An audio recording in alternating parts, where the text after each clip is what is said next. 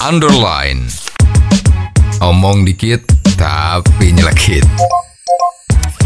Bersama Om Bob. Temukan di channel YouTube Om Bob Indonesia. Om Bob, polemik pemilihan kepala daerah di Sabu Raijua, Nusa Tenggara Timur terus berlanjut karena ternyata bupati terpilih di sana memiliki dui kewarganegaraan. Bagaimana Om Bob menggarisbawahi masalah ini? Ya ini memang fenomena yang terjadi pertama kali, mudah-mudahan juga yang terakhir ya di Indonesia ya. Jadi seorang calon kepala daerah yang mencalonkan diri itu tidak tahunya adalah mempunyai dui kewarganegaraan. Ya, ya. Warga negara Indonesia dan satunya dia itu juga menjadi warga negara Amerika. Jadi sang kepala daerah terpilih tadi itu kewarganegaraannya dua. Lah kebetulan pada saat dia sudah memenangkan pilkada, ini baru ketahuan kalau dia tuh ternyata masih menyandang kewarganegaraan Amerika. Hmm. Dan sepertinya kedutaan besar Amerika sudah mengaminin kalau memang beliau ini adalah warga negara Amerika, terdaftar di sana. Ya, wah ini kan jadi rame ribut, ya kan? Wah, bagi pesaingnya pilkada yang kalah pasti meminta supaya itu digugurkan. Ya. Ya kalau digugurkan kan yang kalah menjadi kepala daerah, menjadi menang kan. Nah sekarang kasus ini kan sedang dibawa ke Mahkamah Konstitusi, Betul. ya kita nggak ngerti hasilnya bagaimana ya. Tetapi ini mestinya kalau kita mau berbicara keadilan Ya, ya.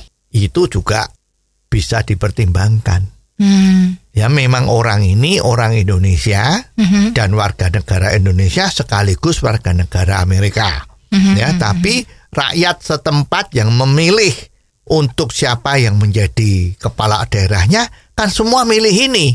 Ya. Jadi secara de facto rakyat dari NTT itu setuju untuk memilih dia jadi kepala daerahnya. Hmm. Hmm. Tapi secara administrasi dia kan tidak boleh Ya. ya.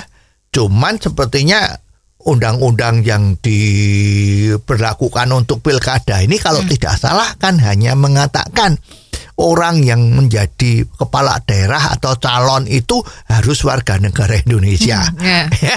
Tidak ngomong tidak boleh kalau dui kewarganegaraan. Mhm. Nah, ya ini kan jadi mungkin ini menjadi peluang ya loophole untuk bisa masuk menerobos undang-undang ini. Ya, ya. Dan rasanya dia kan sudah diloloskan oleh KPU untuk jadi calon. Ya. Nah, KPU itu kan mewakili pemerintah untuk menentukan siapa yang boleh jadi calon dan tidak. Hmm. Nah, ini kan jadi ruwet kan? Ya. Nah, jadi sebetulnya langkah yang paling bagus karena satu, dia kemarin sudah diloloskan. Nomor dua, kemampuannya dia sebagai kepala daerah itu sudah teruji. Teruji dari yang milih kan. Semua milih dia ya berarti sudah teruji. Lah mestinya paling bagus ya ini diloloskan. Ya. Tetapi sekarang KPU harus mulai memikirkan undang-undangnya dia supaya jangan terjadi kesalahan-kesalahan yang seperti ini. Ya.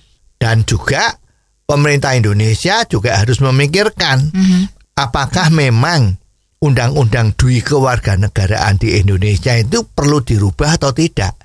Ya karena sekarang banyak negara-negara itu yang memperbolehkan penduduknya untuk merangkap warga negara. Ya. Warga negara Australia merangkap warga negara Jerman, misalnya begitu. Jadi satu orang bisa punya kewarganegaraan yang banyak. Ya. Nah, jangan-jangan punya kewarganegaraan yang banyak itu bisa menguntungkan Indonesia. Ya, jangan-jangan loh ya. Jadi mestinya memang dengan adanya kasus ini ada dua sisi yang harus dipertimbangkan kembali agar supaya di tempat Indonesia kita ini akan menjadi lebih mulus, tidak terjadi gejolak-gejolak yang sebetulnya membuang energi ini.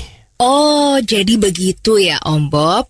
Jelas deh sekarang. Terima kasih Om Bob untuk waktunya. Sampai ketemu lagi di waktu yang akan datang. underline.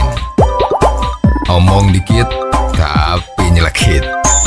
Bersama